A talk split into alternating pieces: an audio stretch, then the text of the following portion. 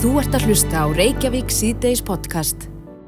Já, ég held að það hafi nú ekki farið fram hjá neinum en eldgós er hafið á Reykjaneska nánar tiltekið í vestanverðum meradölum.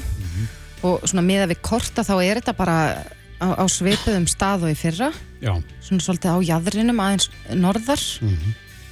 Ég trú ekki að segja, reyna, að reyna að fara að rýna eitthvað í kortin en, en allavega af þessum myndum að dæma þá er Já. þetta á, á svipuðum slóðum þetta lítur að vera átjósanlegu staður uh, fjari mannabygðum og Mhm. svona á þekktu svæði. Akkurat. Hann er á línu hjá okkur, Þorvaldur Þórðarsson, eh, prófessor í eldfjallafræðum, kom til sæll. Já, góðan daginn. Þú ert að reyna að koma þér á svæðið það ekki í þessum töluð orðum? Við erum á leiðinu upp til. Já. Þannig að, Það tekur ekki undir það Þorvaldur að þetta sé átjósanlegu staður svona upp á allt og allt. Jú, jú, ég get alveg tekið undir það. Þetta er á virkilega góðu stað með að við hérna allar aðstæðu, sko. Þannig að þetta er í svona, í aflokuðum kýma hérna, norðvestast í, í hérna meradölunum og, og hraunni flæðir í, áttina af, eða niður í meradaluna sjálfa. Þannig að, að, að þeir taka vel við í dágáðan tíma, sko. Já, en hvað sýnist þér á myndum? Þetta er bara, þetta er nokkuð smá gert eða ekki? Jú, jú, þetta er, þetta er hérna máttlítið, uh, kraftlítið gós og, og hérna með kvikuslokavirknin sem er kannski nokkri metrar upp í nokkra 20 metra á hæð Mhm. og hérna það er uh, framleinin er kannski aðeins meiri heldur en í gósinu 2021 en, en, en hún er ekki mikið meiri Mhm. en þetta er svona mjög svipað af, af, af, af aflvarðar og, og, og, og, og góshegðum líka Mhm. Og hv- hvernig, já, mun þetta þróast? Og það nú sjáum við svona sprungu þar sem að svona, já, veitlar einhvern veginn upp úr. Mun þetta verða að, að gíg sem, eh, eins og við sáum í fyrra? Nú er stór spurt Erfitt að spá fyrir um svona kannski? Já, já, það er náttúrulega, við vitum ekki nákvæmlega hvernig það þróast en, en ef að góðsvásin helst opinn að þá náttúrulega heldur þetta bara áfram að, að, að valla, valla hann upp úr og, og, og hérna raunflæða niður í meradalina og, og svona bara með eh, jöfnum þunga. Mm Eh, það sem mun gera sennilega á næstu klukkutífum er að, að í staðan fyrir að vera svona vekkur af, af, af að, hérna, eða tjálta kvikusrókum að þá mun virkni svona færa sér smátt og smátt á einstök kígóp og, og afmarkast við kannski eitt til, til þrjú kígóp eitthvað svoleiðis eh, þegar að líður frá. Já, og uh, hvort að það sem sagt uh, já það mun náttúrulega alveg örgulega til þess að, að það byggjast á upp gígrímar mm eins og gerist í síðasta gósi og, og ef, að, ef að það hérna svo þróun heldur áfram þá, þá náttúrulega hérna er hugsað að við fáum herri byggustrókast þegar gígveginni byggjast upp og við fáum tjötni gígin og annar þá er alveg möguleika því að við förum að sjá sama sjónaspilið og, og, og við sáum í 21 gósinu en, en það er náttúrulega byggjast alltaf því að þetta halda áfram. Já, en Þorvaldur, svona meða við tímasetninguna frá síðasta gósi og staðsetninguna, flokkast þetta sem framhald af síðasta gósi eða er þetta nýtt gós? Þetta, við, ég myndi nú flokka þetta sem nýtt gós en ég myndi telja að þetta myndi tilheyra eh, sem sagt, eldum sem við getum þá núna þarf að kalla fagratans elda Já. og uh, eldar eru skilgrendi þannig að, að, hérna, að það eru nokkuð gós með svona þéttu millibildi sem að, að koma innan sama kerfisins og, og hérna þeir geta staði í ykkur ár eða, eða ára tíi og kannski nærtakast að dæmið um, um elda eru krabbueldar sem stóður frá 1975 til 84 Mm og hérna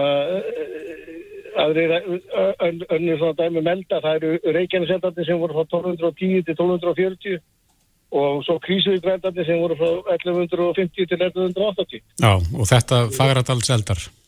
já, þannig að ég held að við séum komin í þetta minnstur sko Já. En e, að því að jörð hefur skolvið nokkur hessilega undanfættan daga, má búast við því að sá hristingur hætti núna með þessu gósi? ég að hann að dragi eitthvað úr honum ég er ekki alveg svona hætti Nei. hann trefur eitthvað úr honum en það væri mjög gott ef að, ef að, ef að þjóttaðurinn bara tækja upp á því að, að fara í frí. Já. En, en nú er, við heyrðum það í fréttunum hérna aðan að það væri ágætti ströymur af fólki eh, inn í bæin í Grindavík og eflaust margir sem að ætla sér hinnlega að skoða góðstöðuna strax í dag. Eh, Er það ráðlegt? Já, já, það er, ég held að sé ekki neitt sem að, að mæli gegn því að fólk hérna fara og, og horfa á þetta. Þetta er náttúrulega frekar, eins og segi, þetta er vítið og, og svipað, svipað starra gáðu við sáum við 21, en það er kannski skynsalega fyrir fólk að halda sig vindmegin við góðstöðunar. Þannig að, að, að það lendi ekki í gasmekkinu og eins líka vera kannski ekki að fara ofan í lægðu. Sko. Góðsprungan er í læg Mm og uh, það er kannski órálegt að að vera að fara sér niður í, í, í þá læg vegna það gasið er þingri landslótt og getur þá safnað sér og leiði þannig í kringum góðstöðunar og, og þetta eru eitra gasbúð sem er að koma upp og, og uh, það getur valdið miklu skafið ef fólk verður að anda þeim að sér. Já, en er það ekki rétt svona metið hjá okkur að, að þessi sprunga kemur hérna bara í nýju hraunni eða upp úr því? Hún, hlutafinu, síðri endin á henni kemur upp í, í kegnu nýjafemi og þá liggur hún þarna upp í klíðina á móbergsfjallinu sem er þar fyrir norðan og við síndist hún liggja alveg eiginlega upp af hérna klíðarhæðinu þegar þess að sem að, að, að klíðin er hæst. Akkurat. Já. Var þetta svona svipaður aðdragandi að, að þessu gósi eins og síðasta? Það er ekki, ekki mjög ósvipar, það er kannski hérna, því að þetta kvikan kemur hann að hægt og rólega upp, það er ekki mikið órói sem tengist þessu í uppkominni uh, og þetta er svona veikir, þetta er svona veikir kvikustókar eða litli kvikustókar sem góðum, þetta er virknin er aflítil og það er fröndlæði, þannig að þessu leit er það alveg eins.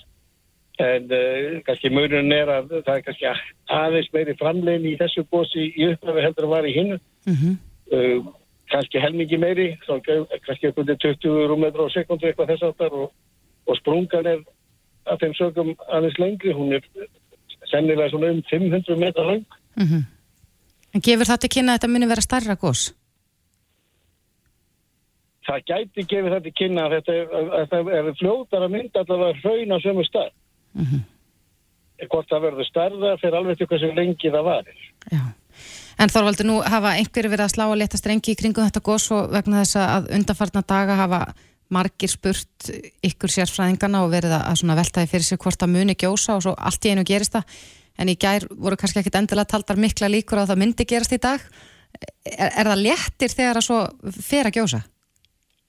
Að það eyði óvissunni? Já og nei. Eh, Náttúrulega, eh, hérna hann að það ákveði léttir við að sjá þess að frói sem við erum að horfa og hún, hún er að segja ykkur ákveðna sögur þannig við erum þá að læra eitthvað nýtt um þetta kerfi og kannski getur hjálpað okkur þá ef, ef það gís næst Mm. en uh, það er svo sem er að fá eitt gósið í viðbót er kannski ekki neitt sérstaklega léttir fyrir okkur vísdamenn Nei.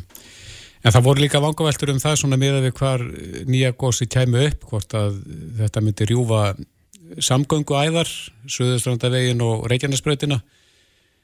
Hvað sýnist þér svona miða við staðsendinguna þarna? Já, við, við stöðun eins og hún er núna það, og, og staðsendinguna á góðsprungunni þá er mjög lítið hægt á því allavega í, í náinni framtíð Já.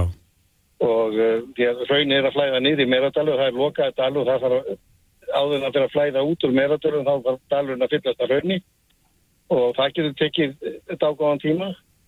Uh, hinn möguleikin að, að, að, breytri sviðsmynd er það að, trunga lengist annarkvort til norðus eða, eða, eða söðus þá þurftur að lengja stoltið mikið til þess að, að, setja inn við þessu keflaugvegi eða söðustandavegi hættu.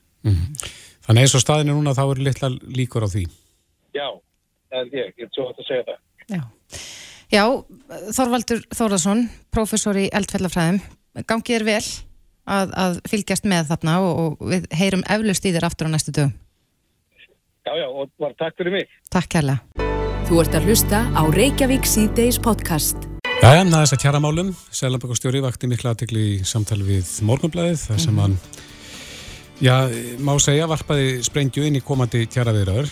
Hann uh, sagði að ef að uh, verkefliðsefingin er ekki hófleg í kröfum um laun, þá myndi Sælabankin bregðast við Akkurat. og þá vantalega með vaksta hækkunni, það eru tólinn sem að Sælabankin hefur. Já, og við höfum nú auðvitað séð vaksta hækkanir að undanförnu, en uh, verkalýsreifingin er, er ansi harðorði garð uh, Sælabankastjóra, hann skrifaði pistilin á vísi.is dag, hann Vilhjálmur Birgisson, verkalýsleitögi á Skaganum, Mm þar sem hann segir að Sælabankin fóðri fjármála Já. en hún er sest hjá okkur, Drífa Snædal, fórseti ASI, kom til sæl. Sæl. Er þetta ekki bara hlutverk Sælabankastjóra að, að halda mönnum á línunni? Við erum fundist að Labakastjóri fara ansi langt í yfirlýsingum uh, en þetta er eins og er einhverja svona yfirlýsingar sem við könnumst við í aðranda kjara samninga. Mm -hmm. uh, þá byrjar uh, þetta raus og þetta er mjög leiðilegt að hlusta á þetta. Uh, og það eru nokkra ástæði fyrir því að, að þetta er nú svona um, um, hvað maður að segja hérna, þeir eru kannski að fara að endur skoða þessa plötu aðeins. Uh, verðbólgan hérna á Íslandi síðustu ár og ára tíu hefur ekki verið kjærasamningsdrifin eða launatrifin. Uh, verðbólgu skoti sem við fengið núna, það kemur auðvitað, það er út af húsnæðiskreppu. Um, og þar áður var það út af hruninu hins vegar er alltaf verið að beina spjótum að launafólki sem er alltaf að reyna að halda í lífskjör þrátt fyrir verðbólgu uh, og bæta þau. Og, og síðan má líka benda á að mér finnst líka að Sælabakastjóri mætti alveg hérna tala á þeim nótum að, að við þurfum líka að komast að samkómulega um hvernig á að skipta verðmættanum í þessu samfélagi og við erum ekkit sammálum það. Launafólk sem býr til verðmættin í þessu samfélagi á líka að fá sangjarn að skerfa því. Uh, við veitum það að það er tölvört svigrum hjá mörgum atvinnugreinum sem hafa bara lækka launalhutfall sitt á undanförnum árum þar að segja ekki að greiða sama hlutfall í launuðu voru áður og þetta er staðrænt hjá öllum atvinnugreinum nema ferðarþjónustunni. Uh, Þannig að við teljum að það sé ákveði svigrum þar. Þannig að þetta er mjög, mjög leiðilegt í aðranda kjara samninga og úrelt og svona- lítilsvirðandi við launafólk. En þarf ekki að sína smá styrningu núna þegar ástandi er svona og þetta ástandi er að lenda eh, á öllum, jæmt einstaklingu sem fyrirtækjum. Já, verkefælisefingin hefur nú bara gengið til mjög ábyrgra kjærasamninga undanfærin áru og ára tíu. Það verður ekki sagt annað og það verður gert áfram. Uh, Þannig að það er ekki eins og við lögum í einhver tómarúmi en hins vegar skiptur þetta máli hvernig við máum skipta kökunni. Uh, Það er ímislegt sem svona yfir fjæðreitnar hjá okkur núna og, og svona kemur við kaunin á réttlætiskendmanns uh, og það er uh, hérna laun hjá ákveðinu stjættu sem er að hækka. Uh, Hvaða stéttir eru það? Já, ég tala nú um kannski kjörn, kjörnir fulltrúar sem eru að hækka tölvört umfram kjærasamninga. Uh, uh, og hérna og embætismenn um, og síðan er, er vit við það, það er búið að afnema hérna bankaskatt, það eru það eru stóra stjættir í þessu samfélagi fjármagsegenda sem geta bara valið sig frá því að greiða skatt eins og annað fólk. Þar með tali útsvar til sveitafélagana og þá er ég að tala um fjármagstekjuskattin Eh, Þannig að það er svona, það er eitthvað svona, það er vittlust gefið, það er ánglega skipt og við þurfum að taka þetta, þessa heildarmynd til skoðunar og leiðrétti að skekkjuna og það er mjög ódýrt hjá Sæðlabankastjóra að fara að, hérna, vera með einhverja hótanir núna í aðdraðanda kjærasamninga að að skoða heildarmyndina. Þar að auki má vel færa fyrir því rauk að Sæðlabankin byrja tölvert meiri ábyrð á þeirri verðbólgu sem er núna uh, heldur en launafólk eða nokkur annar Hvernig þá? uh, með því að uh, fyrsta lagi sko lækkaði náttúrulega vexti mjög skart sem við fagnum en við farnir að renna okkur tvær grímur hérna þegar þetta var komið hérna mjög lágt án þess að önnur hagstjórnatæki væru notuð. Og síðan að hækka vexti. Uh, við vitum að það sem er eldsneiti af verbulguna hérna á Íslandi er húsnæðismarkaðurinn. Annað er meira og minna influtt um, húsnæðismarkaðurinn og svo húsnæðiskreppa sem mjög margir eru að upplifa núna er að einhverju leiti heimatilbúin.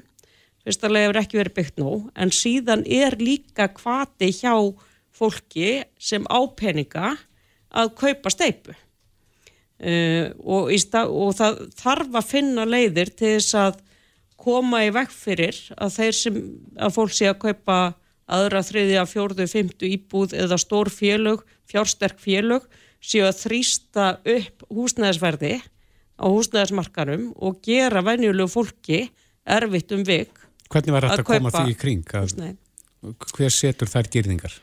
Uh, Sælabanki getur með einhverju leiti gert það uh, með, með hérna aðgengi að landsfjármagni eða, eða slíkum tólum uh, og síðan er hægt að setja einhver lög á það að, að það sé ekki óheft aðgengi fjármála aflana að auðsa peningum í steipu, spenna upp verðið þannig að fólk sem er raunverulega ætlar að kaupa sér eitthvað og ætlar að búa þar þurfi ekki að lenda stöðugt í því að það sé uppspendur húsnæðismarkaður hérna. Já, þetta hefur verið aðeins til umræðu að það væri hægt að, að setja lög sem að gerða fyrir þetta en, en heldur þú að það sé pólitískur vilji til þess áþingja að, að hefta í raun og veru hjá einhverjum sem að eiga nægilegt fjármang til þess að kaupa þriði, fjórðu, fymtu, jafnvel sjöttu.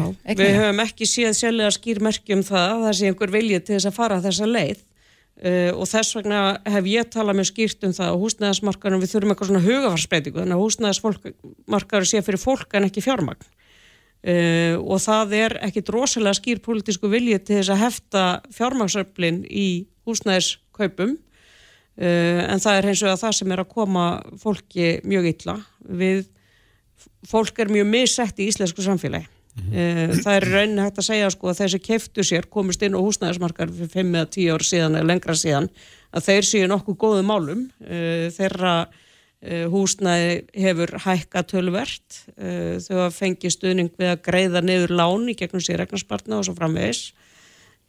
Síðan eru þeir sem eru á legumarkanum og þau og þau sem eru reyna að komast inn á eignamarkaðin sem er í mjög, mjög erfiðri stöðu. Mm -hmm. og þetta er ekki bara unga fólki eða fólk sem er nýflutt í landsins. Auðvitað kemur þetta niður líka á foreldrum fólks og fjölskyldum og öfum ömum og samfélaginu öllu þegar það er svona óbúslega misskipting.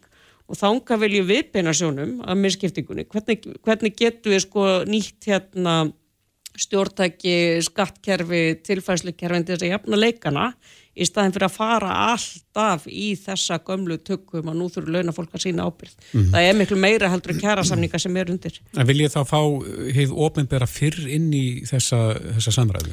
Sko við erum alltaf í samtali við heið ofinbera uh, og við erum alltaf að eiga þetta samtal nákvæmlega. Hvernig er þið tekið? Uh, misvel.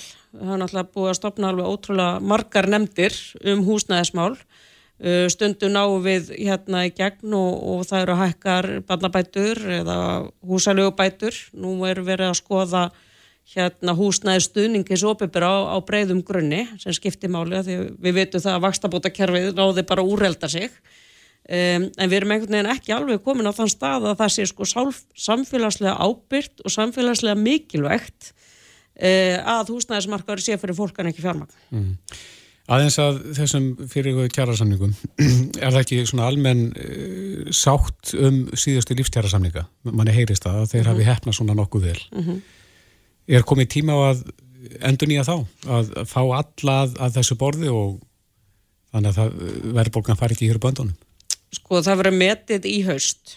Uh, það sem við gerum er eitthvað neginn að gera kannanir og viðþorf og, og fá félagsmenn með í lið til þess að sjá svona hvar skóin kreppir Uh, og móta kröfugerð og það er ekki komna marga kröfugerði fram. Uh, starfsgrunn samt er enda reyðavaðið um, en hérna en ég tel að staðan sem við erum í núna er óvissu stað, það er óvissu ástand um, og annarkvort er þá hægt að gera skamtíma samninga í slíku óvissu ástandi eða langtíma samninga með einhverjum skilirðum og einhverjum vörðum á leðinni Mm -hmm. það á svo eftir að koma í ljósi kjara viðraðan hvernig hægt er að greiða úr því uh, hins vegar er uh, það alveg augljóst mála að það er ekki verið að binda launafólk til margra ára uh, í einhverju fastri krónutölu í verðbólgu ástandinu eins og það er núna án þess að vera með einhverja svo ég sletta þess buffera í mm -hmm. því En hvor leiðin heldur að verði valin? Verða gerðir samningar til skemmri tíma eða Ég veit ekki, nú, nú kemur að, því, að þeim sem sitja við samningaborðið uh, við uh, aturreikundur og það er náttúrulega, það er verkafólk og það er verslura fólk og það eru yðnaðamenn uh, sem eru með lausa samninga núna í byrjun vetrar. Mm -hmm. og þá bara eftir að greiða úr því. Og svo veitum við raunin ekki hver staðan verður, við erum að býða eftir útspili stjórnvalda í húsnæðastöðningi eins og opibera við fjölskyldur, það mun skipta gríða lögmáli Það maður líka skipta greiðalegu máli hvort að úkrænustríði verður ennþá í gangi, þetta er hillilega stríð um, af því að það er líka spennum verðbólguna um heimallan, oljuverð og, og, og svo framvegis. Þannig að það eru svona ymsir þættir sem munu uh, vonandi skýrast mm -hmm. uh, í aðdraðanda kjærasamninga höst. Þurfum við ekki að hafa selamakastjóra með í liði? Það var í óskandi að hann væri með okkur í liði, hann væri ekki að berja á launafólki, syngt og heilagt og ég myndi bara svona uh, ræðulegja honum það að leggja á hillunar þessar hótanir því þær eru ekki, verð ekki til þess að auðvelda samtöluða viðræður. Þú lítur ekki að þetta sem raunsæði hjá honum? Sko, ég líti á þetta sem þröngsíni, ég, ég líti á þetta sem hótun og ég líti á þetta sem uh, van kunnáttu til að líti á heldamindina. Akkurat. Já, við fylgjum spennt með og munum eflust ræða kjæramálinn hér á komandi mánum. Drífa Snædal, fórsett aðeins í. Kæra takk fyrir komuna. Takk. Þetta er Reykjavík C-Days podcast. Já, ég hef Reykjavík C-Days á bylginni. En svo kannski flestir vita núna þá byrjaði að gjósa í Færadalsfjalli á þeim slóðum í dag. Eh, hann kallar þetta Færadals elda Þorvaldi Þorðarsson professor í eldfjallafræðin segir að núna með þessu gósi að þá sé það bara orðið rétt nefni. Já, þetta er komið í fleirtölu. Þetta er komið í fleirtölu. Mm. það er tala seldar, þetta hljómar ágætlega. Já, já. En e, við erum að reyna að ná sambandi við Víði Reynisson e, yfir lauruglu þjón hjá Almanatnadel Ríkislaurglustjóra og hvað stílst að hann sittir stíft á fundum þessa stundunar en e, erum að freysta þess en við heyrðum líka af uh, því að það er byrjað að ferja ferðamenn upp á uh, góðstöðarnar og uh, ef við fáum hérna aðeins hljóða á Þordísi Já, hér er ég. Þarna, Já, við, heyr, við heyrðum að því að, að bógin okkur Guðmundsson hjá Börs Travel Æsland held ég alveg örglað heiti er bara stattur á góðstöðunum akkurat núna með hópa ferðamönnum. Mm -hmm. þannig að þetta var ekki lengi að taka við sér. Nei, menn bregðast rætt við. Já, en ég held að hann bóið sér á línunni. Kom til sæl Já, Ertu statturinn í Geldingadölum? Já, við erum hérna hópur sem voru nú ekki að búast alveg því að þetta verður gerst í dag. Hvaða hóp ertu með? Við erum með við erum með hópa Ekki gott símasamband að þú dast aðeins út aðna, hvað segir þér bói? Já, það er náttúrulega, við erum náttúrulega inn í dal, þannig að þetta er inn og út. Það er betra núna? Já, við erum, við erum með bara leiðs, við erum bara með túra hérna sem eru leiðsanir á hvernig minnst þið upp, að góðstöðanar. Já, já. Er, hafið þið verið að fara upp á góðstöðanar? Já, bara sína raunmyndannar og sína þetta nýja landslag sem hefur verið hérna. Já, já. Er, hérna og svo er alltaf búið að vera spennandi hvað, hvað framaldi myndi hvað myndi, það myndi byrja í skauti og við varum meira að gera grína því. Við varum sungum fyrir náttúruöflin áðan og svo allt er bara að byrja það í gos. Já, hvaðan eru þessi ferðamenn sem að þú ert að ferja það nefnir? Við, eina koni hérna við leina með, hún er frá Ástralíu og svo erum við með fólk frá Evrópu og Ameríku og bara alltaf náður heiminum. Og sem er á, á, á, á því að hæka, ganga um þetta, þetta hlýttur nú að vera þá nokkuð merkilegu dagur ef þau byggust við því að fara í ferð og skoða bara kallt hraun en, en sjá eldgós Jú, þetta er náttúrulega bara með ólíkitum Vil ég heyra í einhverjum útlöndi ekki hana? Já, við, við viljum bara ræða við því að það er sáfram ef það er í lægin En, en segðu okkur, þú, þú, þið eru búin að sjá gósið núna það ekki? Jú, við sitjum hérna bara inn í dalnum, innst inn í dalverfinu, það er tekur svolítið tíma að ganga aðeins. Þetta er eins og langir ykkur sem er nú leiðin sem að menn fara nú oftast. Það er nú tölvöld langt. Þetta er hérna við litlar hút innar. Mm -hmm. Þetta er alveg tveggja tíma gangur. Frá bílastæðanum? Frá bílastæðanum, aðleiðina. Já. Já, þannig að það er kannski gott fyrir fólk sem að ætlar bara að hendast af stað og, og töltaðangað að, að, að já, vita því að þetta er tvekja tíma ganga og, og er þetta krefjandi? Já, það er, það er mjög kvast. Ekki enn í dalverfinu, það er mjög þægilegt að sitja þennan að sé núna og það er bara svona, það sem að blasir við mér er bara svona gós, gós uh, lína í rauninni mm -hmm. í dalverfi en, og það er bara lít hér en upp á hérna, hæðinni það er bara, það er bara mjög kvast en þetta, en þetta er fyrir va- vant fólk og þú veist, veðri er gott, það er sumar já, já, þá, þá er þetta ekkert stórkvæslegt mál sko næ. En þú sást vantarlega gósi síðast? Já, já, ég er búin að koma marg sem kvöldi í, heilt ás. Já, hver, hver er munurinn eða horfir á þetta gós og síðan síðasta gós? Þetta er nú bara mjög átækt því hvernig það startaði í síðast, sko. Er, þetta, er- er þetta minna? Nei, alls ekki, sko. Nei. Krafturinn er, krafturinn er umdalsverður, sko. Það er, hana, og það er í rauninni dreifðara. Mhm. Skilji, það er ekki bara einn breytirinn sem byrjaði síðast. Það var bara einn gígur sem byrjaði af krafti. Svo komur röðin í framhaldinu af því.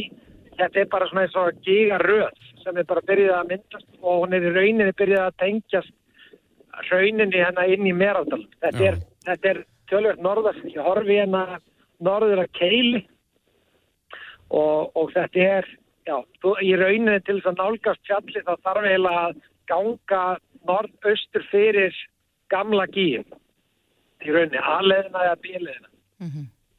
Þannig að, hann, að, já, þetta er svona. Og við erum að borða jólaköku hérna. já, svona smá gullrót, gull, gullrót fyrir hópin. Akkurat, en, með út að þið voru að spyrja um hópin, það eru þrýð jarðfræðingar í hópnum. já, þannig að þetta er algjör veistla fyrir þau. Já, já, þetta er ímyndað ykkur sko. Já. En bói, heldur að vera ekki brjála að gera næstu daga að, að ferja fólk þarna upp eftir? Jú, jú, og það, það hefur svo sem ekkert sloknað á hinn, en það er þetta greiðlega fallegt, fallegt svæði, sko, og þú veist, ég bara hvern fólk að endriði til þess að koma og að koma í göngutúr hérna upp eftir, sko, þetta er stórkostlegt. Já. Við erum ótrúlega öfundsverði stöðu að hafa svona í bakgrannum, sko. Já, það verður gaman að fara þarna einn daginn, en uh, Bói Guðmundsson, eigandi Bus Travel Æsland, kærar þakki fyrir þetta. Þetta er ekki. Þetta er Reykjavík C-Days podcast. Borgarskipulæðið er oft til umræðu. Uh, núna upp á síðkast hefur mikið verið talað um hjartagarðin sem er, uh, var kannski áður svona yðandi af mannlífi Mhm. en uh, nú er ekki mikið um það, Nei, Segja hefur, sumir. hefur þótt vera svolítið nýsefni framkvæmt. akkurat. Þetta er svona hellulegt plan á, á milli húsa á, á besta staði í borginni en við rákumst á greinin á vísi.is sem að, að maður nokkar, nokkur skrifa sem er doktor í umhverfis sálfræði. Ég hafði nú reynilega ekki heyrt af umhverfis sálfræði, þar til ekki er. Einmitt. En uh, hann segir, uh, er að skrifa hér pistil um hjartagarðin og svona og hvernig hægt er að hafa umhverfis sálfræðileg sjónamið til hliðsjónar þegar verið er að skipulegja svona reyti og bara borgina í heilsinni. En uh, hann er sestur hjá okkur, Páll Jakob Lindahl, doktor í umhverfis sálfræði. Kom til sæl. Já, sælverði. Takk fyrir að bjóða mér. Getum við kannski byrjað á því að, að ræða eins um bara umhverfis sálfræði, um, um hvað snýst það? Já, já, við getum gert það. Sko, umhverfis sálfræði er svo grein innan sálfræðinar sem fjallar um samspil fólks og umhverfis. Mm -hmm. Sérst, hvernig umhverfið hefur áhrif á okkur og hvernig við höfum áhrif á umhverfið. Þetta er styrsta skilgreiningi sem ég get gefið ykkur. Já, Uh, geti farið miklu meiri dítal um það en, en, en hérna, já, þetta er svona það sem þetta, þetta snýst um í, í, í mjög stórum dráttum. En Hvaða áhrif hefur hjartagarðurinn á fólk? Já, greinilega ekki mjög góð því að ef, ef enginn vil vera þar Já, hvað sko það er það sem ég er að tala um í greininni að við þurfum að leggjast yfir. Hvað vantar í hjartagarðin við leggjum upp með um, stórar hugmyndir um að þarna eigi að verða mannlífstorg. Það er talað um suðupott mannlífs eða eitthvað slíkt sko í borginni. Og við endum upp með að endum með, með torg sem að enginn vil sækja eða fáir vilja sækja, við skulum kannski ekki alveg hafa móf og þá er, þá vaknar upp þessi spurning sko, hvað, hvað veldur og það eru margir, ég hef svo sem teki vel eftir því, að, að það eru margir sem koma með lausnina sko. vilja, já, bara set, gera þetta svona við setjum bara smá tré eða um, hugmyndir Reykjavík og borgar að einhverju leiti snúast um að setja gósbrunn þannig að við erum að reyna að redda þessu einhvern veginn svona á hyggjuvitinu. Pl plástra þetta? Já, og það er það sem að ég er að nefna þannig greini að við erum að tala um flókið samspil ofta tíðum. Veist, samspil fólks og umhvers getur verið flókið og við megum ekki detti þann pitta ætla bara svona að leysa það með einhverju hérna, einhverjum hókus pókus bara svona kvikk sko Já, en það sem kemur svolítið inn á þarna er Já. akkurat sko að, að áður var hjartagarðurinn svolítið suðu pottur, má segja, það var miklu meira að gerast, en svo var því breytt og þá hætti fólk að koma. Mhm. Já. En við tókum greinlega eitthvað úr hjartagarðinum, Já, við, við tókum, tókum, hjartað úr garðinum. Já, akkurat, já, einmitt. Við tókum hjartað á garðinum og við sitjum þá uppi með það sem við sitjum upp núna, en við sitjum líka með upp, það sem við sitjum líka uppi með er það að við vitum ekki alveg hvað var það við hjartagarðin gamla sem var að virka og þarna hefði maður e, þurft að, eða hefði þurft að kortleggja sko, hvað er að gerast þarna af hverju er þetta að virka taka þá þekkingu og læra af henni og velta henni þá inn í nýjan hjartagarð, velta þekkingunni inn í bara hönnun almennisgarða yfir höfuð á Íslandi, torga og slíkt.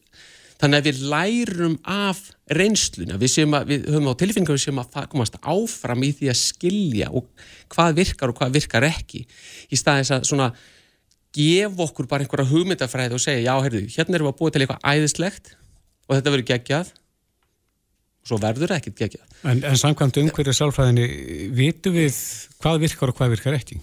Segir sko, umhverju sálfræðin okkur eitthvað um það?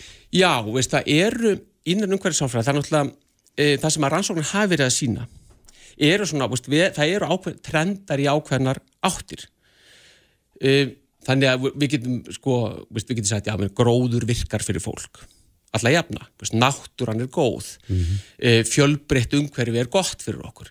E, umhverfi góðum skala semst í svona manneskilum skala, það virkar. Og, og svo fram með svona, þannig að við getum tekið svona við getum tekið svona stóra línur og sagt, ok, þetta er það sem umhverfið sálfræðin er að segja okkur en það vantar, það er svo mikla gloppur í þekkingunni. Og þegar við erum komin nýri kannski svona skala eins og eitt torg nýri hérna miðbæð Reykjavíkur þá þurfum við að rýna þetta miklu nákvæmar heldur en að fylgja bara svona stóru strömmunum sko. Mm Það þarf bara að skoða nákvæmlega þetta torg, Já, skoða hvaða var sem var að virka og reyna þá að viðhalda því. Já, en við þurfum að leggjast í sko, það þurft að skoða okay, sko, hvernig haga fólk sér til dæmis núna inn á þessu torgi? Hvað er að gerast þarna, bara yfir höfuð. Við þurfum að kortleggja það.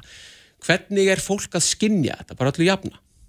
Hva, hvert er mat fólks á torginu hvert er mat þeirra aðila sem að er að, til dæmis að rekstrar aðila hvernig eru þeir að upplifa þetta? Mm bara, bara svona eins og ég taki hérna nokkur dæmi og svo þurfum að púsla þessari þekkingu saman.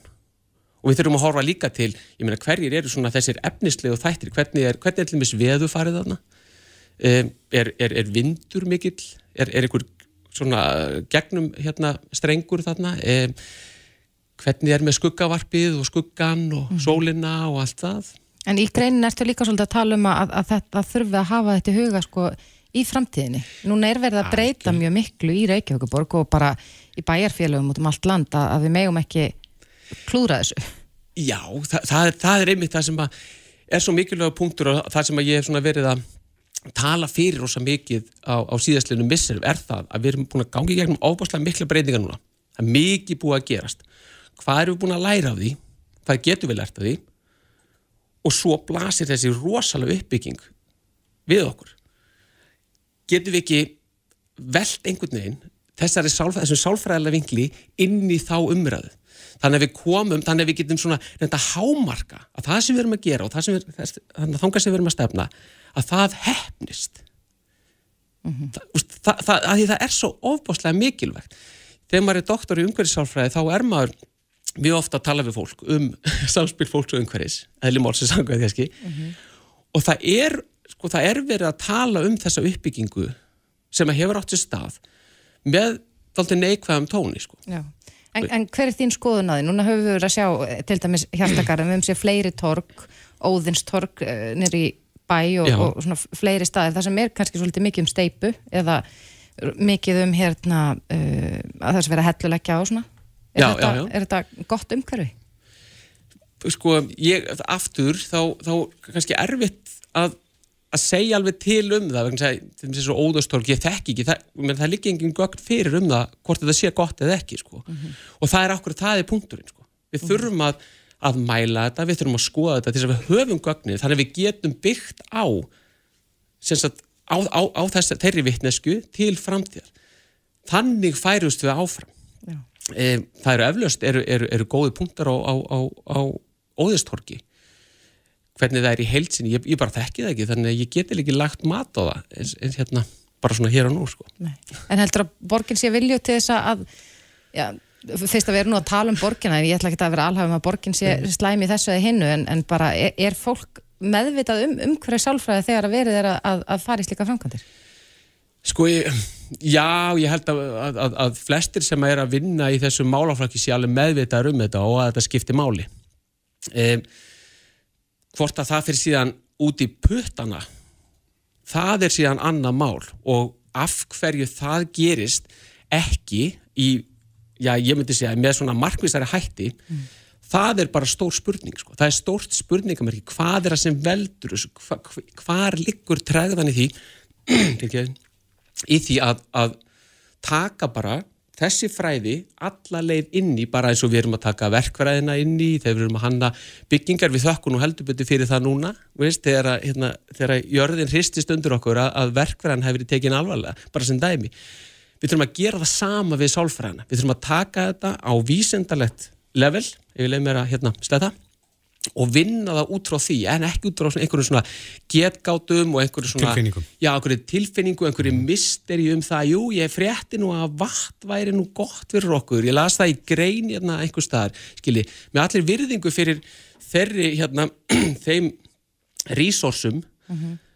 þá getum við ekki byggt umhverfi okkar heilu borgirnar, öll þjættbíli og allt þetta á einhverju svona.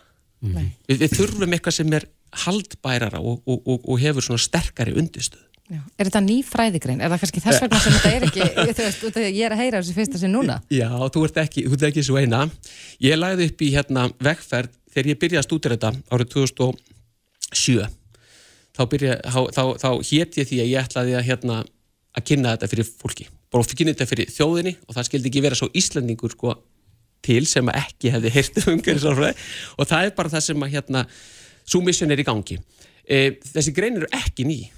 Þa, það er, hún er margra, margra hérna áratuga gömul, ég meina sálfræði sem slík náttúrulega er, er ekkit mjög gömul grein, umhverfisálfræðin er, er svona næstuðja gömul bara á hefbundin nútíma sálfræði svona frá því hérna aldamóti 1900 eitthvað slíkt sko sem þetta er að byrja.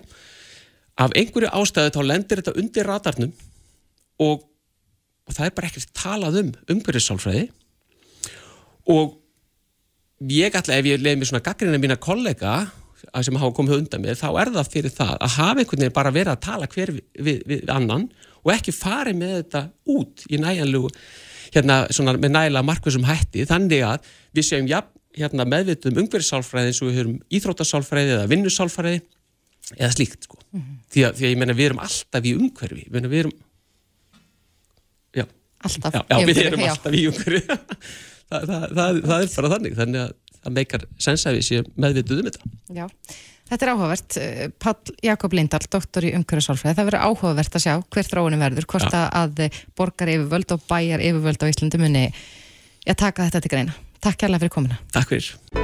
Reykjavík síðdeis á Bilginni podcast. En svo við erum búin að já, nefna nokkur sem í dag, þá byrjaði að gjósa aftur já, í dag. Og mér sýnir þetta nú bara að vera á heppilegasta stað. Já, allavega meða við myndirnar, eh, að þá er þetta bara á, á svipuðum stað og í fyrra, eða svona á jæðrinum. Mm -hmm. En uh, við hefum augljóslega tekið eftir því mörg hver og við gerum nú könnun á því hversu margir hefðu fundi fyrir jarðskjáltum síðustu daga og það voru 70% sem að sögðast hafa fundi fyrir skjáltunum. Ansi margir og sérstaklega með því að fólk allstæðar af landinu er að svari þessari könnun. Mm -hmm. Og uh, það, það er eitt sem að, að, að maður hugsa oft um þegar að, að það byrjar að skjálfa svona, mm. er hvort að sko húsin okkar þólið alveg. Og svimi fá þá tilfinningu að húsin sé að hrista því sundur. En, en maður hefur ekki heilt af slíku tilfelli hér á Íslandi ennþá. Nei. en hversu mikið þóla húsin okkar? Við erum með á línunni kona sem að veit allt um þetta. Solveig Þorvaldsdóttir doktor í Járstjáltaverkvæg og fyrirrandi fórstjóri Almannavarnar Ríkisins, kom til sæl.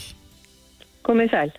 Íslensku húsin eru þau það sterk byggð að það sé nánast ómögulegt að, að hérna, þau rinni Já, ég myndi kannski ekki segja það en en miða við þessa skjálta sem við hefum fengið á Íslandi Mhm. uh, og reynsluna frá, frá jarðskjáltum á Suðurlandi og, og að sko, líkunar á því að svona venjulegt íslenskt hús hringi í jarðskjálta á Íslandi er, er mjög lítið. En, uh, en ef að þau eru uh, sko þessi hús til dæmis sem að fundu uh, í jarðskjálfninu á Suðurlandi sko þetta voru náttúrulega, þetta voru gumul uh, útuhús illa byggð. Um, þannig að ef það er til sko en þá mjög illa farin hús og gömul að, þá getur þau náttúrulega farið illa. En svona venjuleg íbúðarhús uh, já líkunar eru hverfandi Hvað er það sem að gerir eh, þessi hús svona sterk byggð? Er það steipustyrta játnið allt saman sem fyrir þetta? Já, það, það er náttúrulega sko, það er steipan og, og, og játnið og það voru sko settir á staðilar, jarðskjálta staðilar á Íslandi um, og menn hafa náttúrulega í gegnum tíðin að vera að læra alltaf betur og betur um, bara í heiminum, til dæmis 1971 var stóri jarðskjálti í Kaliforníu þar sem að menn lærðu það að það er ekki nóg bara játbinda veggi og súlur og og plötur, menn þurfa að passa játbendinguna á milli þessara eininga. Uh, og, og, og, og eftir það var farið að styrkja það.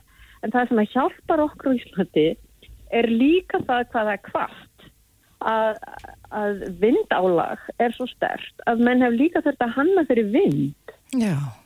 og, og þriðja lagi er húsin almennt lítil.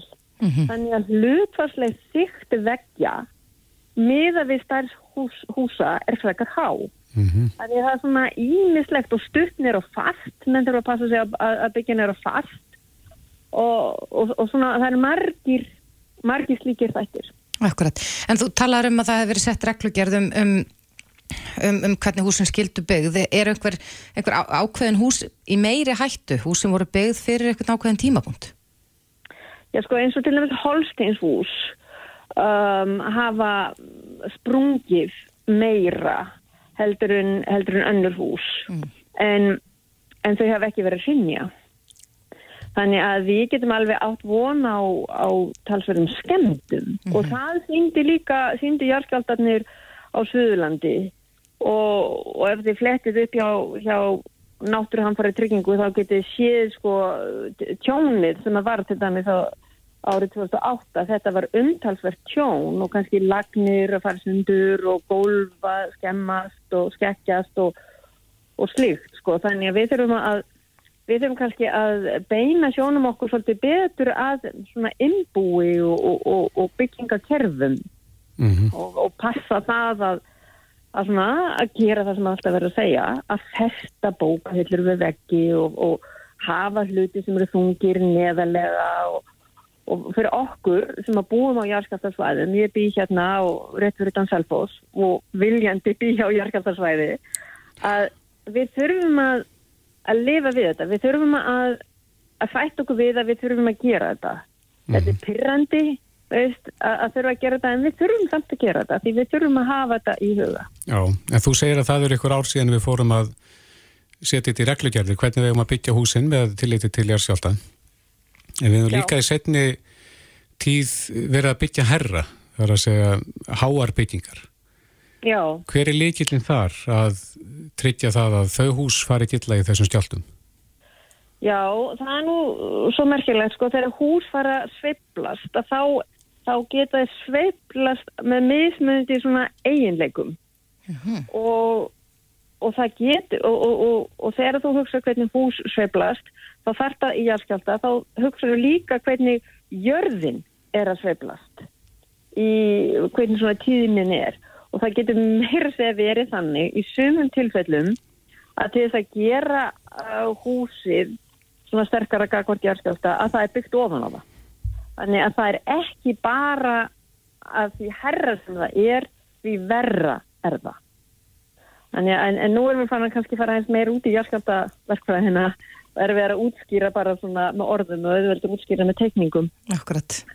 En, en, en ég, það sem ég vil kannski bara leggja áherslu á er aftur sko að því meira sem útslátturinn er, því meira er eins og þú sér bara inn í þóttavél og innbúið þegar af stað. Mm En þessi skjálta sem við höfum fundið á undanförnum hafa verið svona, já, kannski um, um fimm og undir. E- Eru mikla líkur á tjóni á byggingum í, í þess, á, þegar skjáltarnir eru á þessari stærðagráðu? Það er, er, er lí, lítilhætta, lítilhætta. Nú hefur maður heyrt að það verið einhver, einhverja tilkynningar til náttúrhanfara tryggingar frá Grindavík núna. Mm og um, það sem hafa verið lesið um að það hefur bara verið uh, innbú. Um, og já, sko þe- þessi stærðagráða sko já, eins og sé, líkurnar á tjón eru mjög litlar og ágætt kannski að hafa í huga í þessari finu er að jarðskjáltar út af elgósi eru yfirleitt ekki stórir eins og jarðskjáltar sem að geta orðið út af flekarheifingum þannig að það er ekki að búast við einhverjum virkilega stórum jarðskjáltum út af elgósi Nei, þannig að þegar að fólk finnur húsi hristast og er jafnvel alveg með það á reynu að það hljóta að fara að rinja svona úr þessu að þá þarf fólk ekki að hafa miklar áhyggjur. Ég held að þessi hverfandi, veist, maður, sko, maður getur aldrei fullir, það getur verið einhver sem byggir húsið sitt afskapla illa, um, þannig að ég, það er ekki hægt að fullir það, sko, 100%. Nei, En líkunar eru hverfandi. Ég myndi hafa meiri áhyggjur af því að, að passa það að fá ekki eitthvað í hausinn sem fer af stað. Þannig um að gera nota tíman núna til þess að skoði kringu sig uh, sitt eigið íbúrhagsnæði og líka það sem maður er að vinna og svo framvegis. Um, hvort að það sem maður er og sérstaklega náttúrulega það sem maður sefur. Að það er ekkert sem að getur sko dottið á mann eða, eða lokað fyrir útgöngulegðir uh, slíkt. En, en ég myndi ekki hafa áhyggjur af því að hús var að sinja. Nei, ég man að það var eins og í tísku að vera með eins og, og myndahillu fyrir ofan eh, rúmgablin þar sem það eru rammar lausir, það er kannski ekki besta hugmyndin eh, svona hér á landi. Nei, fjarlæga allt slíkt. Aldrei hafa neitt fyrir ofan rúm. Aldrei. Akkurat. En, en Solveig, þú saðir það hérna áðan að, að það væri nú ástæð fyrir því að þú byggir þarna á jarðskjáltasvæði og varst Já. áður forstjóri almannavarta ríkisins. Hvernig er það fyrir þig að fylgjast með já, fréttunum eins og í dag þegar það byrjar að gjósa?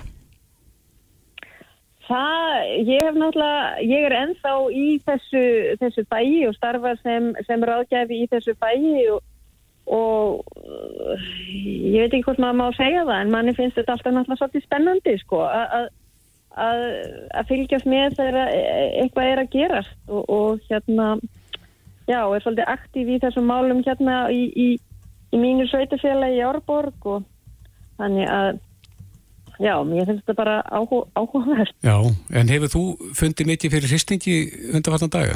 Ég fann fyrir þessum stærsta sem að var, já, eitthvað um, um fimm og sko ég bý í tveggja hæðahúsi um, og það er, sko sem ég byggði sjálf og það er mjög vel grundað. Um, þetta er svona timburhús með stálgrind og maðurinn minn var hérna á jarðhæðinni og, fann ekkert fyrir þessu. Ég fann vel fyrir fyrstingnum hérna upp á, upp á annari hæð Já, og sko, mér finnst þetta alltaf jæfn óþægilegt. Þó að ég viti sjálf að húsið mitt er ekkert að fara að rinja. einmitt. Þá er þetta er óþægileg tilfinning þegar þetta er að gangi yfir. En þetta, þetta er alveg möguleiki að í sama húsinu þá finnur einn en annar ekki. Já, Og er það þá bara út af því að þú varst uppi og hann niðri? já, Akkurat. Aha. Ég var að ræða það hérna í þættinum í gæra að mér fannst eins og, og húsið væri að farast og ég var á, á þriðju hæð sko og svo var fólk Já. sem var tölvöld nærskjáltan sem bara hreinlega fann ekki neitt. já. Þa, það er svo margt sem skiptir máli. Það skiptir máli á hvar þú ert í húsinu, hvernig húsið er byggt, hvernig grundunin er, fjarlæðin frá jarðskjáltanum því að að bæði náttúrulega dvínaran með fjarlægð en líka jarðskjálta bylgjurnar breytast með fjarlægð og það er svona meiri rúllandi áhrif þau, koma næðist lengri burtu heldur en nær þegar það er svo mikið af alls, konar tíðnum uh, í gangi. Það líka fer eftir í hvaða sko, stefni þú ert miða við uh, reyfinguna, reyndar á það kannski meira við þegar þetta eru flekar reyfingar sem eru að ripna frekar en þegar kvika er að færi sig upp, uh, yfir, upp yfir yfirborðið, upp á yfirborðið. Þannig að, já, það eru svo margir þættir sem að skipta máli. Akkurat. Já, þetta er áhugavert. Já. Solveig Þorvaldsdóttir, doktor í jarðskjáltaverkfræði og fyrirandi fórstjóri almannavarna. Gaman að heyri þér og, og ég held að margir séu rólegri eftir að hafa hlusta á þið núna. Já, það er nú, það er nú gott að heyra. Kæra þakki fyrir spjallið. Já, það var lítið, bless, bless. Hlustaðu hvena sem er á Reykjavík C-Days podcast. Það stýttist heldur betur í Reykjavíku marathonið. Já. Það eh, fer fram 20. ágúst. Þetta er alltaf sama dag á menninganótt Já. og uh, það hefur auðvitað ekki verið haldið almennilega í núna í nokkur ár út á svollu. Já, er ekki búist með þáttöku þá núna? Jú, það hlýtur nú bara að vera. En nú er maður farin að verða var við það að það eru allskins hlaupa hópar og einstaklingar sem eru auðvitað að sapna fyrir góðum álefnum. Já. Og uh, mér finnst þetta alltaf mjög skemmtilegu tími þegar maður er að sjá allskins fólk reyma á hlaupaskona og, og að sapna fyrir ykkur sem er, er þeim kert. En við rákumst hérna á uh, já, svona hlaupa hóp sem er að hlaupa til styrtar minningarsjóðs örvars. Já, sem En- að gengur út á hvað? Já, hún er sett hérna hjá okkur, Milla Ósk Magnúsdóttir, sem er að halda utan um þennan hóp, kom til sæl. Komið sæl. Takk fyrir að taka mótið mér. Já, bara gaman að fá þig. Segðu okkur aðeins, hvað er minningarsjóður örvars? Sko, Örvar heitin, hann lést fyrir nokkur mánu síðan, ég með minnir að það verið 2013 uh, þegar hann var að bjarga nefnda sínum í fallífa uh, stökki. Það sést að hérna, gerist eitthvað með fallífin og Örvar sér að það eru vandræði og hann steipir sér í áttina til hans og þau, þau deyja bæði. Mm Og stóra sýstir Örvars, Þórhalla Arnardóttir, um, hún stopnaði þennan sjóð og hefur verið mjög dugleg því að halda utan þetta og halda honum á lífi og, og hann snýstir henn um það aðstóða fjölskyldur sem að lendi því að missa um, ástvinni í Erlendis að fá þá aftur heim.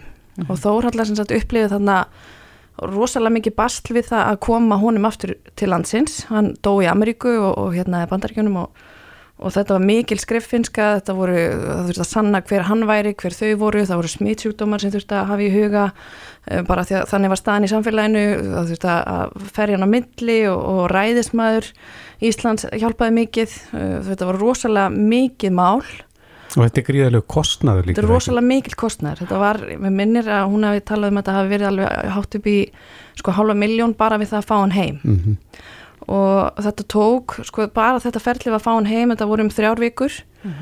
Og það senkar náttúrulega öllu hérna heima, allri jarðafur og, og allt svo leis og það er alveg nóg mikið á fjölskyldulagt sem lendi í þessu. Heldur en að þurfa í því að leggja sérstaklega út fyrir einhverju svona. Þannig að hérna, sjóðurinn styrkir fjölskyldur. Og þetta eru svona hvað ætla þetta sé, mér minnir hún að tala um að meðaltali fimm fjölskyldur á ári Já, sem að lendi í þessum spórum. já, sem að, að hafa verið að sækja um aðstóð og þetta hefur náttúrulega verið svona upp og niður kringu COVID sko en, en hérna mest hafa þetta verið upp, í- upp í átta fjölskyldur á ári. Nýst þetta mest megnis um fjárhagsaðstof við það að, að. Ganga frá öllu já, já, já, þetta fjölskyldur geta sótt um styrk til þess að fá lögfræðastóð um, hérna, einmitt fjár, fjárhagsaðstóð um, við það að ganga frá pappirum, fá hann heim borgarflug með hann og svo framvegs og við svona hérna, við fjölskyldan hennar ég hérna, er hér á vegum svona svolítið fjölskyldunar að vinna uh, og við ákvaðum að halda þessu að sjálfsögða áfram þessu starfi. Já, Þórhalla lést fyrir skömmu síðan. Já, Þórallar sérst greinist með brjóstakrabba minn fyrir uh, einhverjum þreymur árum síðan. Og þá byrjuðum við á þessu, þá við hlupum saman fyrst hérna í Reykjavík marathóninu uh, 10 kilometra og þá var hún í miðri svona lifja meðferð og það var mikill áfangi fyrir hann að koma í mark. Og hún lést fyrir kannski rúmlega mánu síðan, ég er ekki alveg með dagsningunum hérna og við vorum að kveðja hann í síðustu viku og það var bara tekinn svo ákvörðin að halda sjálfsög áfram með sjóðinn og, og svona slá í svona alvöru hóp og viðburð og, og gera þetta almennilega núna í Reykjavíkumarathónu og, og sapna sem flestum í þetta lið. Mm af því að það eru margir sem þekktu Þóraldur og margir sem að elskuða hana mikið og, og hérna hún svona gerði mjög gott starf og kennari og mikið í pólitík og svona þannig að hérna, ég held að séu margir að núti sem gætu, gætu vilja hjálpað. Erum margir komni nú þegar? Við erum orðin tæplega 15 uh, sem erum komin í svona lið sem við vorum alltaf svona, við vorum til dæla lítill hópur sem að vorum að gera þetta síðustu þrjú árin en núna það stækkar, stækkar mjög ört og ég er svo sem bara nýbyrjuð að, að, að hóa sama fólki Mm. Ætla þú að hlaupa? Ég sko, já Ég hérna ætla að reyma á mig hlaupaskona eins og sagður aðan. Um, en ég er með eitt fjóra mánuða og svo eina 15 og eina 9 ára og svo ein mannin í eftirdrægi. Þannig að við ætlum að taka svona 30 kilometra hérna svona fjölskyldu Já. skokk, struns innan gæslafa. En, en getur hver sem er sko skráð sig í ykkar lið ef einhver er að hlusta núna og bara jafnvel kannast við þórullu frá því já, í pólitík eða Já. og að kennar þeirra eitthvað slíkt Sko, ég er með, það er viðbyrður á Facebook sem að heitir Hlaupum fyrir Þórellu sem að fólk getur melda sér inn í og hérna svo bara skráður þessi í Reykjavík marathónið og svo getur það haft á samband við mig uh, af því að ég, það þurfti einhver einn að skrá sig sem liðstjóra og þú veist, svo skráir liðstjórin hvern og einn. Þannig að hérna, annars getur bara allir skráð sig í lið út um allan bæ sko. Þannig að til þess að hafa svona yfirsýn yfir þetta þá er, er langt best að hafa samband við mig eða, eða hérna kolla fyrirvændi mannin hennar.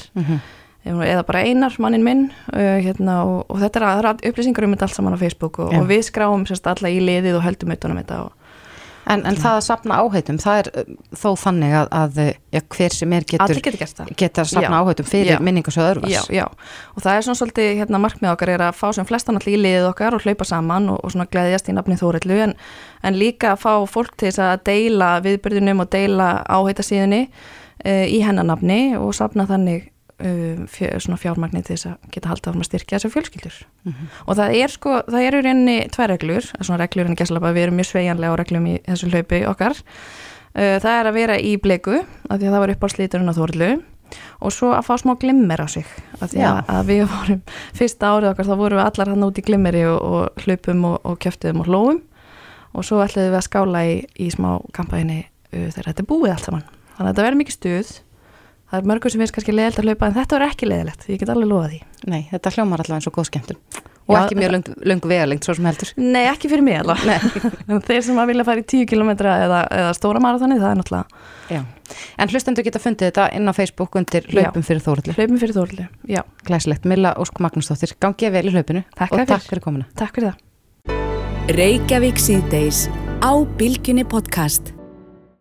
Það er alltaf mikið spenna fyrir heimsleikana. Já, og sérstaklega fyrir Íslendingu og hefur verið í núna síðustu ár þar sem að við hefum nú átt mjög sterka fulltrúa. algjörlega. Við eigum fulltrúa í ár en heimsleikarnir þeir hefjast í Madison í Wisconsin, í bandaríkunum, í dag. Einmitt. og uh, ja, út af því að sko, ég nú hef ekki stundar crossfit en, en hef fylst með, með öðru augunum að segja. Já, en er þetta ekki alltaf þannig að, að maður veit ekkert fyrir að bara svona á síðustu stundu í hverju verður keft nákvæmlega já keppmyndu fá ekki vita það fyrirfram. Nei, En uh, og, þetta orð dætur hefur orðið til þarna að dóttir var til í kringum uh, heimsleikana. akkurat. En við sjáum líka fréttir af því að einhverjar á okkar allra sterkustu dæturum verða ekki með í ár Nei, eða hvað til að fara aðeins yfir þessa leika með okkur er á línunni. Guðfæðir CrossFit á Íslandi Evert Víglensson, CrossFit þjálfari og eigandi CrossFit Reykjavíkur, sæl Sælveri, sælveri. Já, hverjir verða með og, og hverja vantar þarna svona þessum vannalegu? Já, það er kannski svona fyrsta sem að menn ræða ár, eh, hvað, hvað það sem tekist í Íslandi allavega á crossfit-leikunum. Hvað Við eigum þarna nokkra hetjur sem að, sem að, sem að já, allir þekkja núna og, og tvær af þeim, Ragnarður Sara og Katrín Tanja, hvorar eru með í ár. hvað veldur því? Þið verður að afsaka mig, ég er hérna heima með eitt, eitt sem er að verða einsás. Já, sem er æfað fyrir framtíðarleikana vantilega? Já, hann er, hann er byrjað að ræfa, hann er hérna með liftingastöng á gólfinu og datt um hann, þess er hann að ræfa. Já, já. Eh, en sko, sko ég, ég, ég veit ekki hvað ég get sagt um að af hverju þeir eru svona, en ég myndi halda þess að Ragnarður Sara lendi í slænum náðslum fyrir ekki talengu síðan mér fannst á henni bara í undankefnum fyrir crossfit-leikana á þessu ári að hún væri bara mögulega ekki komin aftur á það, það stig sem hún var á. Og þetta er það hörð keppni að ef þú ert ekki 100% þá, þá ertu bara ekki að fara allar leið. Akkurat. Og En- svo veit ekki með Katrinu það er svona, það er náttúrulega bara eitthvað sem að mér sýnist þegar ég er að horfa á það sko. En Katrin er nýflutt heim til Íslands aftur búin að skipta um þjálfara og það tekur alltaf smá tíma aðeins aðlæðast nýjum aðstæðan þó hún sé náttúrulega Íslendingur í, í blóði sko. Mhm. og hann búin að vera lengi elvinis Já. En, en hvaða Íslendingar eru það sem að taka þátt í ár? sko, við erum með Björgun Karl í, í, í kallakefninni og hann er alltaf búin að vera hann að vera í topp 5 bara lengi Mhm. og og hann er náttúrulega, hann er eiginlega eini kallakjæmpandin sem við höfum átt í langan, langan tíma og svo er Anni Mist í liðakefni og það er nú kannski stærstu nöfnin okkar. En Anni Mist setur saman lið núna frá og með núna í januar sem er eiginlega sett til höfðustitlinum Já, af því að það er maður sem að heitir Ritz Fróning mhm, sem að vann sko fjóra einstaklingstitla á sínum ferli. Skipti svo yfir í lið þegar hann var á toppnum og er búin að vinna alla titlana sem hann hefur kert um síðan þá sem eru fimm. Já, já, þetta væri hans tíundi titill í ár í röð. Mhm, og, og Anni Mist setur, setur saman lið svona eiginlega honum til höfuð svolítið. Já, og er, er þetta lið hennar líklegt til afreika? Já, það er þannig að þetta verður sko líklega í fyrsta sinn í langan tíma sem að liðakefnin verður virkilega spennandi. Já, já, það eru þessi tvö lið sem að keppast. CrossFit Reykjavík annars vegar sem, að, sem er liðan annir og, og CrossFit Mayhem sem að Ritz Fróning styrir já. En eh, Evert, hver er svona líftími crossfittara? Hvenar fer að hallundan fæti? Bara aldrei. Ég er að vera 50 ára orðinu ég planið mitt er að komast á Games á næstari Já, já, en hann er það keft í aldursflokkum. Mhm, það er nöldugur eftir 35 ára.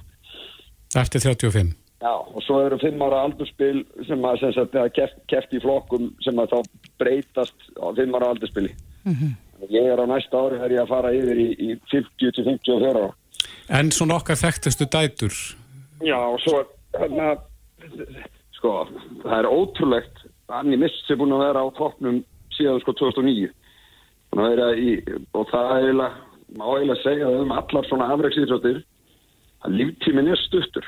Mhm, Og Þetta er mikið það Álægi sem, að, sem að er á þessu fólki bæði við, við æfingar og keppni sko. já, Þannig að mér, það, er, það er magnað að Anni sé enda á, á toppnum og ég myndi skjóta að það er samkvæmt, samkvæmt sögunni þá á ekki að vera mikið meira eftir sko. nei ekki á topp level sko. Akkurat, en þær eru þarna líka í einstaklingskeppninni Þurjur Erla Helgadóttur og Solveig Sigurðardóttir eru þær rísandi stjórnur í, í þessum heimi? Þurri Erla er búin að vera lengi að og er alltaf, hún er frábær íþjóttamæður og þú fer ekkert að heimsmyndstarmótu öðru sinna að vera frábær íþjóttamæður og hún hefur verið að, að halda sig svona í kringum miðjan hóp. Öll árin sem hún hefur kæft ég held að þetta sé örgulega sjötta skiptið hennar sem hún kæfti núna. En Solveig er að fara í fyrsta sinn. Já, það er náttúrulega bara frábært og spennandi að fylgjast með henni hvernig hún áttur að standa sig á þessu, þessu stærsta sviði. Mhm, og svo erum við úlíka líka tvo sem að kannski verkar að nefna. Við erum með, með stráki 16-17 ára sem heitir Rökkvi og hann var í þriðasætti í fyrra á, á leikonum í sínum aldsóki já, og, og svo er ungstelpa sem er 15 ára sem að heitir Bergrós og hún er að keppi í fyrsta sinn. Já, að þar eru mögulega í Íslandi stjórnir akkurat. En, en eins og ég saði einnig upp af vitalsins þá, þá hef ég því miður ekki stund á crossfit sjálf en, en þetta er þannig fyrirkomulagið að- að keppendurnir vita er einu verið ekki fyrir en bara nánast á síðustu stundu í hverju nákvæmlega er keppt. Já, það er, það, er, það er eitt af því sem að gerir CrossFit er svona keppni mjög spennandi og, og heillandi kannski fyrir marga. Það er talað um sko og hefur alltaf verið talað um prepare for the unknown. Og, og það er akkurat svo list. Það verða líklega 14 greinar, það er búið, það er, menn, menn eru svona ræða um það í ára að það veri 14 greinar í einstakskefninni og það er búið að gefa upp þrjár þeirra. Síðast þegar ég kíkti í tölvuna þá búið að gefa upp þrjár mm -hmm. greinar 1, 2 og svo 6 eða eitthvað svo leys en annað vitaðu ekki sko nei. Þannig að menn verða, verða að vera svona allíða góður og vel undibúnir, svona áður en menn mæta til leiks. Vera, já, þú að vera allt frá því að vera góður að hlaupa langt yfir í að lifta þungt og, og, og svo teknileg færni í skilu já, einum, einum, einum sko, 50 mismunandi greinum sko, eða reyfingum Já, ég jafnvel sundi, er það ekki það að verið kæft í sundi? líka. Já, já. Þannig að þetta er, mjög gaman að horfa á þetta og hvort sem að menn eru, skilu, hafa prófa crossfit eða ekki, þá er þetta mjög skemmtileg áhörunda íþrótt og hefur jafnvel verið, sko, talað um það þegar þetta hefur verið sínt á ESPN síðastlegin ár, að, að það skipti engum máli hvort það hafa áhuga crossfit eða ekki, það, það getur allir skemmt sér yfir, yfir þessari keppni af því hún er svo fjölbreytt. já. Rétt hans í lokin, Evert, af því að þú nefndir hérna Björgvin Karl Guðmundsson áðan sem hefur verið í topp 5 undanfærin ár. Er, er hann líklegu til uh, verluna í ár? ég, ég, ég treysti alltaf á Björgun. Ég er líka Björgun einn af minnum upp á síðröndamannum bara í sögunni. Já, Rápar einstaklingur, skemmtilegur, duglegur og, og já, ég ætla að segja að Björgun er í, í efstu tremur. já. Já. Þetta verður spennandi og ga- gaman að fylgjast með eins og þú segir. Evert Víglundsson, eigandi CrossFit Reykjavík. Kæra þakki fyrir þetta. Takk fyrir og gaman ykkur. Sumulegis. Og svo er bara um að gera að fylgjast með og hvetja Akkurat. eins og maður getur. Hvetja okkar fólk áfram. Já. Það er alltaf mikið spenna fyrir heimsleikana Já. og sérstaklega fyrir Íslendingu og hefur verið í núna síðustu ár þar sem við hefum nú átt mjög sterka fulltrúa. Algjörlega. Við eigum fulltrúa í ár en heimsleikarnir þeir hefjast í Madison í Wisconsin í bandaríkunum í dag Einmitt. Og uh, ja, út af því að sko, ég nú hef ekki stund af crossfit en, en hef fylst svona með, með öðru augunum að segja Já, en er þetta ekki alltaf þannig að, að maður veit ekkert fyrir að bara svona á síðustu stundu í hverju verður keft nákvæmlega? já, keppmyndu fá ekki að vita það fyrirfram. Nei. En, uh, og Reykjavík síðdeis á bylgjunni.